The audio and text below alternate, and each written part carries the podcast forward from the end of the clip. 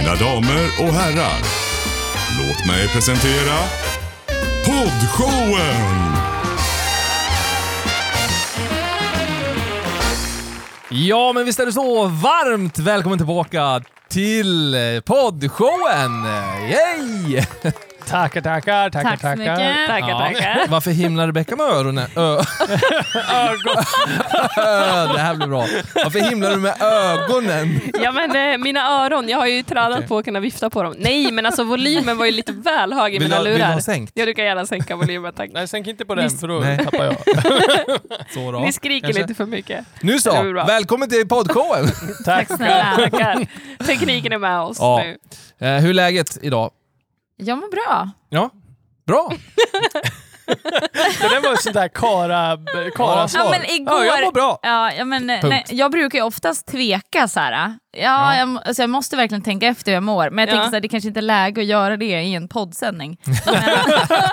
Ja men vänta jag ska rada upp mina problem här. Ja, och men, så här det här har jag lite problem med just nu. Och, Det är lite Nej. kärvt. Ska, det är lite kärvt. Ska byta, kärvt. ska byta Ja. däck på bilen. ja. Ja, det ska jag göra. Ja, är du med? Eller? Nej, vi, vi har såna här året runt-däck som vi inte vill köra året runt på, så vi tänkte slita på dem på sommaren nu. Okej. Det gäller ju att tänka Eh. ekonomiskt annars blir det ju kärvt. jag förstår. Ja, jag fick ett samtal tidigare idag eh, där det var så här, eh, jag kommer nu med dina sommardäck. Jaha, just det. eh, hur, hur, vad vill du att jag ska med dem? ja, Och då tänker du det eller? nej, men jag Ja, det är frågade. Andreas. Nej du frågade det på riktigt. Ja. men jag Vad frågade. vill du att jag ska göra med dem alltså? Vill du lägga upp planen? Så här, är, det jag jag som ska dem i åka, förrådet? är det jag som ska åka med dem någonstans? Eller, eller Ja, vill du göra det? Ja, Ska så. de sitta på bilen? Ja. Ja, Men gud. jag ska försöka lösa det imorgon på en sån här drop-in ställe. Jag har Just frågat det. om tips på min Instagram och fått bra tips. Mm. Eh, så att jag tänkte göra det. Det går väl ganska snabbt och det kostar ju inte många kronor. Så att jag tänker, Det är värt att betala för. det, ja. Nej, när man inte har det kärvt så är När man inte har det kärvt så går det bra. Och sen plus att då får jag då, gör jag det imorgon på förmiddagen, då får jag också däcken sen bortkörda. Mm, Jaha. just det. Så att det är lite så här eh, mål att jag ska få dem, alltså bortkörda av familjen. Ja, jaha, Så, ja, ja. ja. Okej, Jag trodde det var liksom service. service. Ja. Ja. det trodde jag. Nej det var ingen service, ja, familjeservice. Ja. Ja. ja, det är bra. Mäktigt. Då kommer Grymt. de komma igen sen efter sommaren och säga här kommer vinterdäcken. Och då kan du fråga igen, vad ska jag göra med dem? Ja. Ja, Men då har jag ju lärt mig Ja, nu. superbra. Grymt Mm, ju. det återstår att se. Ja. Nej, men vad trevligt hörni. Vi ska ha ett härligt avsnitt här av vår poddshow. Vi kommer att prata bortskänkta kläder som stjäls. Eh, vi kommer att prata utseendet påverkar rekrytering. Hör och häpna. Och vi kommer att prata om eh, en klämma där man är rädd för tomrummet. Och att tänka på Ronja, vad hade vi för hint om den? Där kommer vi prata om ett arbetssätt som gör oss väldigt effektiva. Mm. Wow. Det blir med andra ord ett grymt avsnitt här.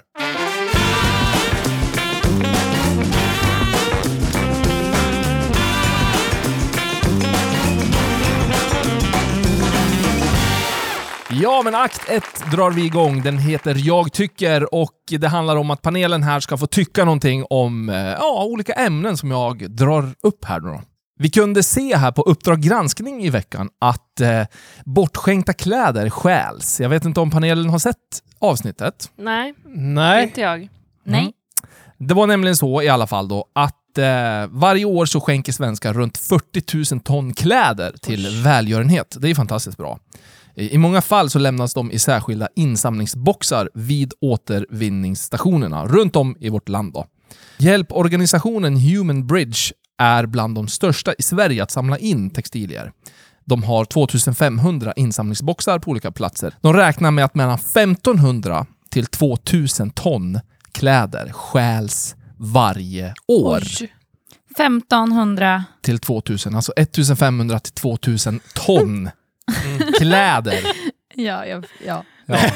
Eh, ni, det är ungefär tusen bilar. om, man kan, om man kan tänka att det är jättemycket kläder då kan man säga.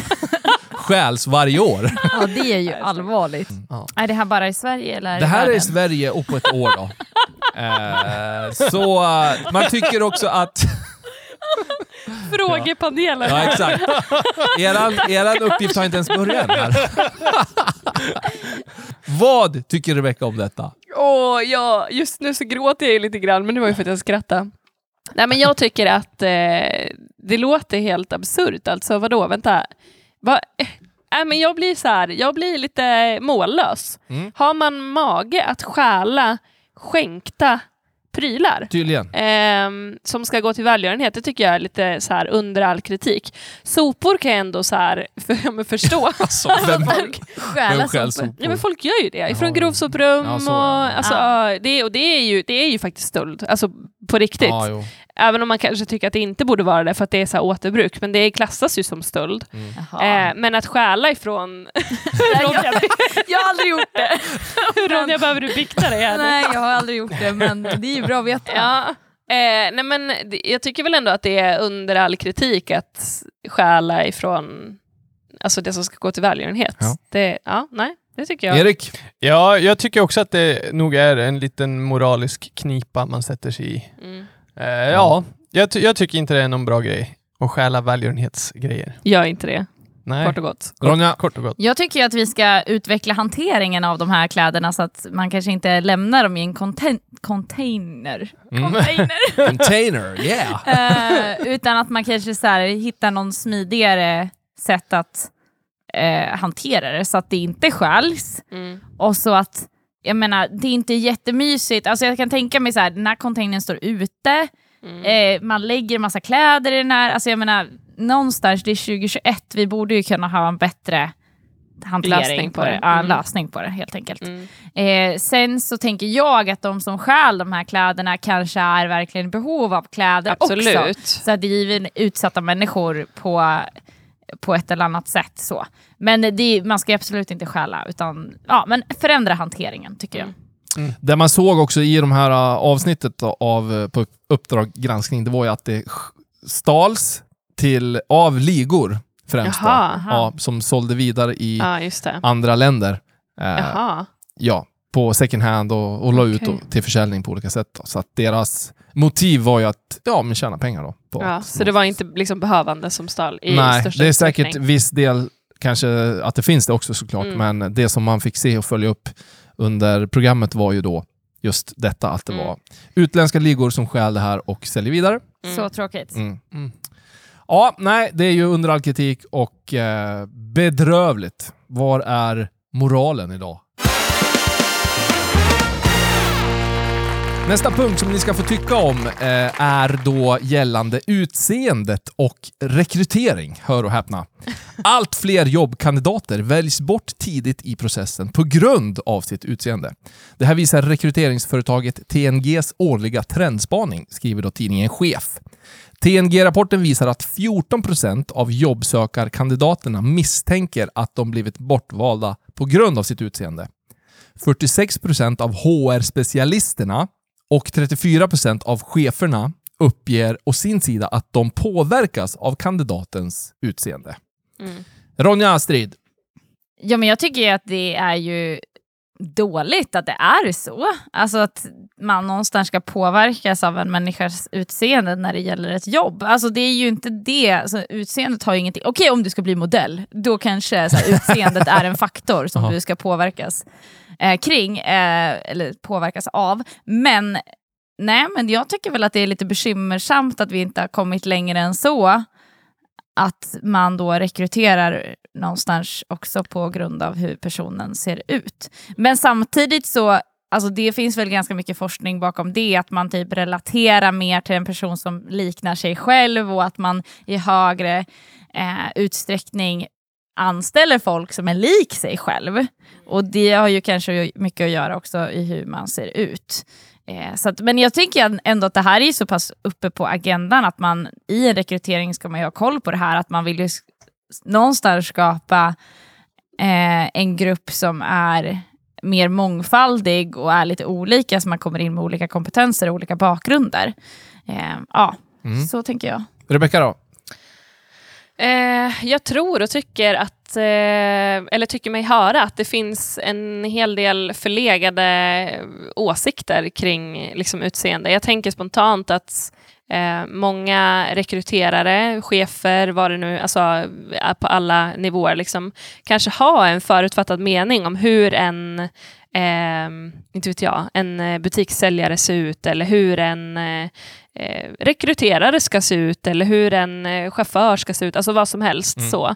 Att man har lite ja, men förlegade tankar om att så här, så här har de sett ut tidigare, därför tänker jag att en person som ja, ser ut på det här sättet passar till det här jobbet. Liksom. Eh, och Jag tror att det är viktigt att vi ja, vågar ta in även ja, men det här som Ronja är inne på, det här med mångfald, inte bara när det kommer till etnicitet, och liksom, men också när det kommer till utseende och människor ser annorlunda ut, liksom, att det är någonting som, eh, som jag tror är bra. Eh, och det blir någonting som också representerar ja, men andra människor som kanske inte känner att de passar in i alla de här mallarna utseendemässigt. Liksom.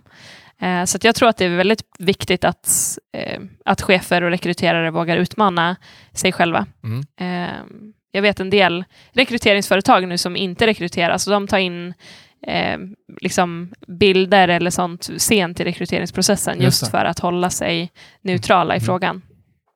Bra grej. Erik? Ja, men jag, jag tycker ju såklart också att det är jättetråkigt. Eh, men jag ser ju någonstans också logiken till varför det är som det är. Eh, och att vi människor, vi är inte bättre än så. än att vi dömer människor på det sättet. Och sen, jag tänker bara själv också. Jag, jag menar, jag har väl rekryterat främst till butiksbranschen själv. Mm. Och där pratar man ju, man blir ju, får ju bli påtryckt av sina chefer inom koncernen också att att ja, men äh, varenda butikssäljare är ju en reklampelare. Liksom. Ja. Det finns ju ett visst tryck eh, ovanifrån på det sättet också, tänker jag. Och just nu jobbar jag i sportbutik och tankarna som går nu, nu är jag bara väldigt öppen med mina tankar, men jag tycker att det är då... Min, mitt hjärta är att det är ing- inget bra, men jag tänker samtidigt att när jag går till en sportbutik och ska köpa löparskor, då går jag ju helst till en säljare som ser ut att kunna löpning. Ja. Liksom Mm. och har erfarenhet inom området. Så jag kan ändå förstå att så här, ja, Man till, kanske till viss del kanske man rekryterar lite på grund av utseende. Mm. Men som Ronja var inne på, lite bransch kanske man får tänka. Man kan ju ha stor kompetens om löpning. Alltså så här, någonstans, där har du ju, och då kanske du också ser ut som en löpare för att du har kompetensen. Så att det Mm. kan ju också liksom, Men det, Det kan ju vara en ihop. skada. Kanske för Absolut. tio år sedan kanske jag sprang maraton. Ja. Och sen efter den skadan så ser jag inte ut som en maratonlöpare längre, men jag har all kunskap. a- absolut. Eh, men men ja. liksom så här ändå att det går ju oftast hand i hand. Ja, precis. I alla fall då, eh, rekryteringstrenden lookism, eller beauty bias som den också kallas, är en nygammal trend som dessvärre fått ett uppsving då, säger man, under coronapandemin.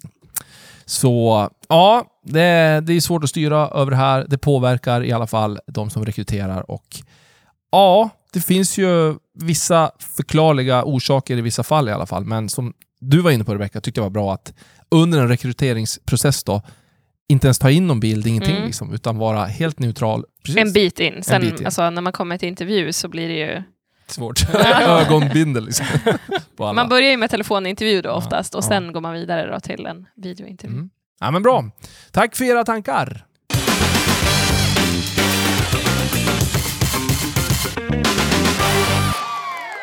Då så, kära poddlyssnare och panel, då hoppar vi in i våran akt 2 och den heter då så mycket som... Veckans klämma. Så är det, det är dags för veckans klämma. Och den här äh, veckan så har vi fått in en alldeles ny, smaskig, härlig klämma. Okej. Och eh, det är någonting att bita i för eh, er här i panelen. Mm. Smaskens. Tack för att ni är med och påverkar, ni som lyssnar. Ni har full möjlighet att påverka den här programpunkten då, veckans klämma. Eh, Det är bara att gå in på podshowen.se och fylla i ett formulär där så är ni helt anonym och beskriver er klämma i livet. Eh, Idag så handlar, handlar det om Alex, kan vi kalla han för. Han är eh, en eh, ganska ung kille. Han är i liksom mellan 20 till 30 år sådär. Eh, har ganska mycket att göra, eh, men det är någonting som stör honom i livet. Och det är att han känner sig faktiskt rädd för ensamhet och tystnad. Han har väldigt svårt att hantera ensamhet och tystnad. Det här gör att när han kommer hem och försöker slappna av sådär och liksom bara vara lite grann så har han väldigt svårt att faktiskt göra det, bara koppla av. Utan han känner sig nästan tvingad till att ta sin mobil, eh, knäppa på någonting, det måste vara något ljud. Eller, så han är nästan rädd för alltså, tystnad Mm. och ensamhet. Mm. Eh, han, han är också inne på i sin beskrivning att han är rädd för tomheten. Det, det kan ju bli djupt, men Mm. det är det som, som han fruktar lite grann. Att det blir tomt, att det inte finns någonting. Och det här brottas han faktiskt med och det har gått så pass långt så att han faktiskt Alltså det stör honom på riktigt i livet. Han kan tänka på det här på dagarna, att när jag kommer hem och nej, jag vill inte gå hem liksom för att det, då ställs jag inför det här igen. Då. Det här är ju en stor grej, tänker jag. Men eh, jag vill slänga upp den här till panelen också. Vad, vad säger vi om det här? Jag kan verkligen skriva under på att jag har upplevt eh, väldigt mycket samma sak. Eh, Så att jag kommer nog tala utifrån egna erfarenheter nu. Mm. Och för mig så tror jag anledningen, jag har ju sagt själv att jag är otroligt rastlös. Jag har ju verkligen uttalat de orden över mig själv i många år. Mm. Eh, rastlös, svårt att fokusera och sådär. Ehm, och det har ju också lett till att när det blir tyst och ensamt så måste någonting hända. Mm. Eh, svårt att bara sitta och njuta av tystnad och ett värmeljus på bordet och en Mm. bok till exempel. Eller, Vad fint. ja, jag Ja. målade upp en, jag försökte Ja, måla upp något ja, mysigt där, men det har inte jag kunnat njuta av. Eh, och för mig så har det egentligen landat väldigt mycket i att jag kanske egentligen faktiskt har flytt Just från mycket, många saker i mitt liv. Eh, och det, nu på senare tid så har jag faktiskt också börjat inse hur otroligt mycket känslor som jag har flytt ifrån, eller som jag inte har tagit itu med och lärt mig och förstått. Mm. Eh, så därför så har jag gått runt och burit på en massa känslor som jag inte har kunnat satt ord på. Och det har lett till att jag inte klarar av den här tystnaden. Att jag bara, jag hamnar någonstans där de här känslorna börjar välla upp och komma fram från sina utrymmen där jag har trängt undan dem. Mm. Och då blir jag otrygg och det blir en plats som är obekväm att vara på när det händer. Eh, Så att jag har fått eh, börja lära mig att sätta namn på de här känslorna och börja förstå vad det är för känslor. Och, och det har verkligen hjälpt mig och det har jag gjort med professionell hjälp. Alltså Mm. inte, bara, Mm. inte bara kompisar eller eh, pastor och kyrka utan det här är ju terapisamtal eh, som jag har fått hjälp att lära mig gräva i, i, i, i de här frågorna helt enkelt. Mm. Så det är väl min, eh, mitt eh, första tips. Alltså.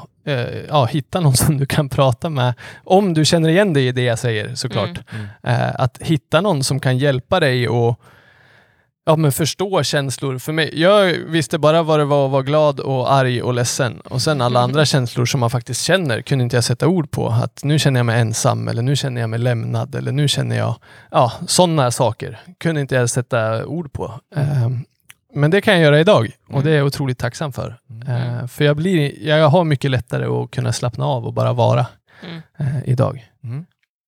Ja, men jag tänker så här att när man någonstans möter tystnaden så behöver man också möta sig själv. Mm. Och det är väl det som kan vara ganska jobbigt.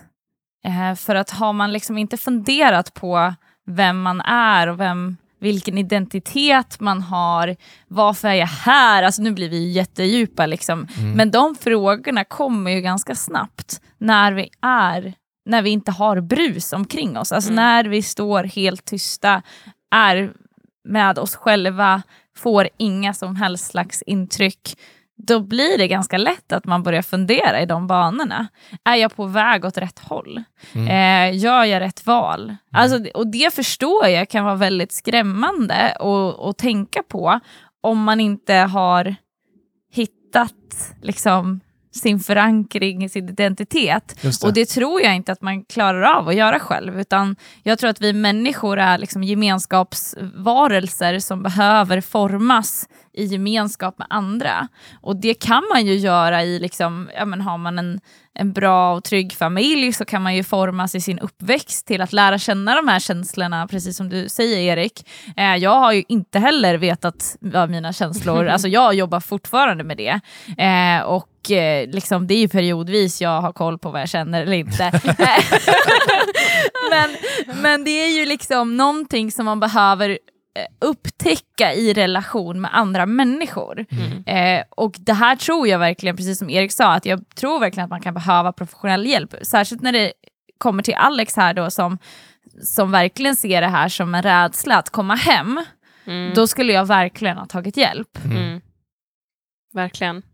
Ja, alltså jag kan också, eh, liksom ni, tala utifrån egen erfarenhet. Jag var, när jag var yngre så var jag väldigt rädd för att vara själv och för att ha det tyst. Jag kan fortfarande tycka att jag föredrar att ha lite musik igång eller någonting sånt bara för att ja, men det stimulerar min, min hjärna och min kreativitet väldigt ofta och jag pluggar bättre, jag fokuserar bättre. Men när jag var yngre, så, och då menar jag liksom i mina sena tonår, typ, då var jag verkligen jätterädd för att ha det tyst. Alltså för att jag trodde att det skulle... Jag var skiträdd för liksom, vad är det som kommer komma fram. Jaha. Vad kommer jag tänka, vad kommer jag känna och så vidare. Så jag fyllde hela tiden mitt liv med ljud, aktivitet, saker och liksom, ja men, eh, tv-serier, filmer, alltså allt möjligt bara för att eh, liksom, ja, inte ha det tyst omkring mig.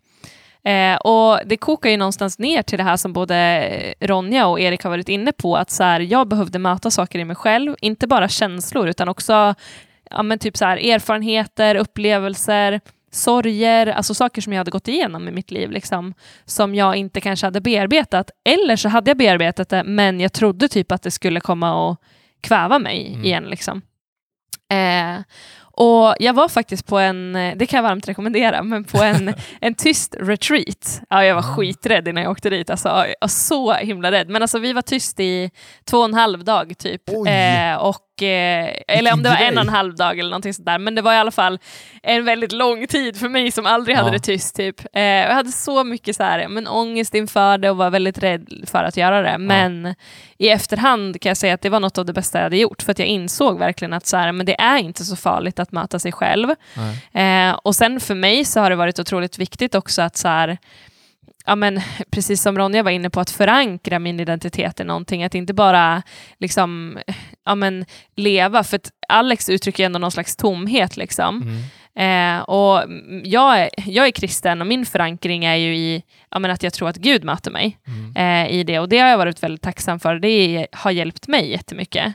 Eh, men sen också att gå i terapi, att prata med människor, att bearbeta saker som jag har gått igenom och att faktiskt öva på att ha det tyst omkring mig är ju någonting som ja, men verkligen har hjälpt mig. Så att jag skulle rekommendera Alex att dels ta hjälp, men också ja, men utforska vad, vart har du din förankring Mm. eh, och våga ställa dig de frågorna. Liksom. Det landar ju ner i lite så existentiella frågor, sådana här äh, tankar. Mm, det är ju så. verkligen. Och, men kortfattat så kan vi säga att, till Alex då, att våga stanna upp i det här Mm. och liksom titta på den här känslan eller den här upplevelsen du har. Eh, många gånger är det så att våga liksom facea det man då upplever som jobbigt.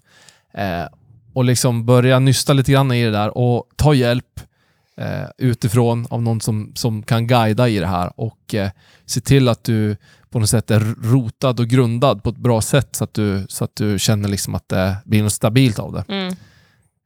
Lite så då, kanske. Ja. Ja, Mm. Mm. Verkligen. men... eh, Och det där ordet hjälp är något som jag tror att vi svenskar tycker är väldigt svårt. Mm, Men det är ju det bästa vi har. ja, Eh, ja, men verkligen. vi behöver ju, alla behöver hjälp eh, Mm. och är bra på olika saker. Mm. Mm. Eh, Och jag behöver hjälp att reda ut min hjärna och re- reda ut mina känslor. Det är ingenting Mm. som jag kan. Nej. Eh, Jag kan byta däck på bilar, men, eh, men, inte, Ronja, hör du det? Bra. men, inte, men inte reda ut känslor. Det är inte Mm. min starkaste sida. Så därför tar jag hjälp av det för att kunna vara så bra som möjligt, Mm. helt enkelt. Och ett ord som jag gillar som är lite kanske klyschigt, men det är prestigelös. Eh, för det gör, kan man, kan man anamma sig själv som prestigelös, då vågar man backa, man vågar förändra ett beslut, eller man vågar liksom man vågar ödmjuka sig på något vis. Och, och precis det du är inne på nu Erik, att säga att nej men jag, jag suger på det där så Mm. jag behöver ta den här hjälpen. Mm. Mm. Och det, det, då Det växer är man ju. grymt. Det är Mm, grymt. Verkligen. Och Alex, du vill ju utvecklas. Ja, exakt. Så att, alltså, ta möjligheten nu när du ändå har identifierat den. Gå inte med den här känslan utan börja utforska och sök hjälp och tänka över existentiella frågor och liksom fundera och våga möta dig själv. För du, Mm. jag är säker på att du är grym. Verkligen.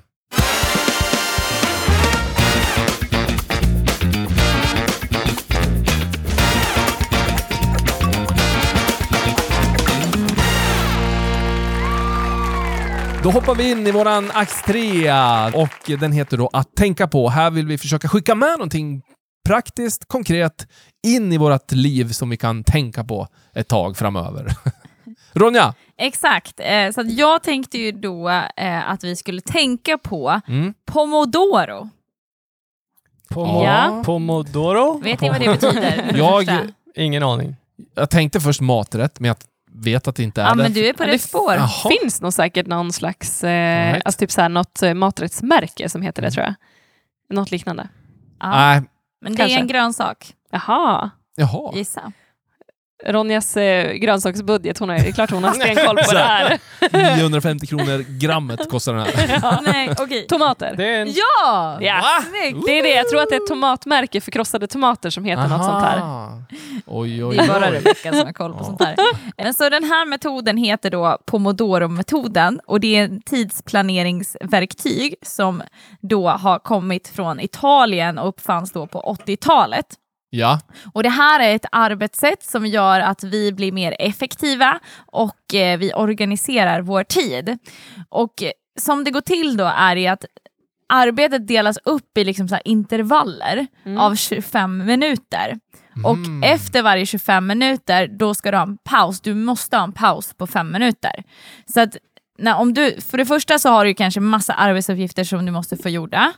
Och då så kanske du skriver in det i timern, man kan ladda ner de här timerna gratis. Eh, och så kan man skriva ner så här, okej, hantera mail. Mailen, liksom. det är kanske är det första jag gör på morgonen. Då har jag då 25 minuter till att hantera de mejl jag har fått in och så, äh, svara på dem och så vidare. Mm. Eh, och så sen så ringer den här timern och då måste jag bara släppa allt på en gång och kliva upp. Alltså jag får inte göra klart. För tanken är att jag inte ska göra klart det. Utan att, ja, då kliver jag upp och så rör jag på mig i fem minuter och nu kanske man jobbar hemifrån så man kanske hänger en tvätt eller gör någonting annat, plockar ur diskmaskin. Och sen så sätter man sig direkt och så slår man igång den här timern igen när det har gått fem minuter eh, på då 25 minuter igen och då kan, hann jag inte klart, då fortsätter jag hantera mina mejl. Eller har jag hunnit klart, då kanske jag skriver in något annat och så hanterar jag en annan arbetsuppgift. Men tanken är ju att eftersom jag slutar mitt i en mening, om jag till exempel skriver ett mejl, då är det inte svårt för mig att komma igång igen. Mm. Så du får aldrig, oftast arbetar vi som att men jag ska bara göra klart det här, sen tar jag en kafferast. Mm. Men det gör att det blir så lång startsträcka inför varje gång du ska komma igång med en ny arbetsuppgift. Just det. Mm. Så därav är den här metoden väldigt effektiv och bra. Men efter du har gjort fyra pomodoros, då behöver du en längre rast på en kvart. Och det visar då den här timern helt enkelt. Och en pomodoro, det är alltså 25 minuter plus 5 minuters paus. Ja, Ja. precis. Så att då kan man ju också se, för oss som är lite så här prestationsmänniskor och gillar att tävla med sig själv eller något, Ja. då, då kan man se slutet av dagen, hur många pomodoro har jag gjort idag? Och så kan man verkligen se, alltså jag har bockat av så mycket så här, m- s- mindre arbetsuppgifter som bara ligger. Eh, och då blir det verkligen så här, bam, bam, bam, nu har jag gjort allt det här och så kan jag, har man då, jag har ju också liksom en to-do-list digitalt då, som kopplas till telefonen och datorn och allting. Då får man ju också den här tillfredsställelsen i bara klicka i att den är gjord. Eh, nej men så det här är ett jättebra tips. Jag tänker att många jobbar säkert hemifrån just nu eh, och sitter vid en dator, har massa arbetsuppgifter och känner sig lite omotiverad. Men här gör ju att du får upp och röra på dig efter 25 minuter och du känner att liksom, du kan hålla på så här ganska hur länge som helst, en just hel arbetsdag. Mm, just det. Eh, ja, så Men- det var att tänka på. Är, det, är det en app det här eller? Eller vadå? Eh, det finns nog som app. Eh, jag laddade ner typ en app på datorn. Ja, okej. Mm. Det är nog säkert bara att söka på pomodoro. Ja, Ja. så dyker det upp. Men det är italienskt. Ja. Är det då 25 italienska minuter? Eller är det liksom... det var min första så här... eh, Ta en italiensk minut. Jag, jag kommer Har sluta... italienarna kommit på ett så här, eh, hålla tiden-system? Ja, Jag kommer, det. jag kommer sluta... Du känner dig skeptisk ja, till det från alltså? början gjorde jag det. Men nu, det här låter ju riktigt bra. Ja. Jag kommer sluta säga ska vi ses om en halvtimme och säga ska vi ses om en pomodoro. ja. Snyggt. Ja, Snyggt. där. Om en tomat alltså. Ja. Ska vi ses som en Ska vi tomat? ses ja, om det är en bra. tomat? Ja, vi tar en halv tomat. Eh, en kvart alltså. Ja. Mm. Ska vi Tack för ta att du en förtydligade Marcus, jag fattade inte. Ja. Ja, Nej, men, eh, jag, bra. jag ska verkligen ta åt mig av det här, för jag är ju faktiskt... Ja, eller jag är... Jag har väldigt svårt för att komma igång. Eh, Mm. Så att jag tror verkligen att Pomodoro skulle kunna hjälpa Pomo. mig. Ja. Pom, Språkpolisen är pomo, ute. pomo, momo, Men i alla fall, det, De och då då, det låter bra det. eh, säg det fort bara. Så. Kommer då. Men jag kan relatera känner jag, för att när jag sitter och ska göra någonting, då känner jag att jag ska bara göra klart och just det, så kommer en till grej in i bilden och så gör jag det och det och det. Och så sitter jag i en dålig arbetsställning, och om jag gör hemma i alla fall, så Mm. sitter jag oftast på en halv oskönt sätt liksom. I klä, det- klädskrubben eller vad var det sist? typ. Nej men eh, det är kanske är därför jag har ryggskott också. Jag Ja. vet inte. Nej men eh, så, så kör jag på och så kör jag på och så bara oj nu gick det visst två timmar och jag har suttit i sträck och jag är helt slut Mm. liksom. Uh, sådär liksom. Så att det där, ja, disciplinen i 25 minuter är bra. Precis, och att den också där verkligen ringer. Så att, och då har jag verkligen bestämt mig för att nu Mm. bara reser jag mig upp. Ja. Alltså jag ska inte göra klart. Mm. F- ja, och då, då vet jag ju att varje timme så har jag ju rört på mig två gånger. Mm. Mm. Bra, vi tar med oss det att tänka på då. Då tackar vi för avsnitt åtta. Nu har vi avklarat det. Yay! Och eh, vi säger det igen till dig som lyssnar. Skicka in en klämma till oss. Vi vill gärna höra era klämmor där ute som vi kan ta fram och lyfta här då i eh, den programpunkten som heter Veckans klämma.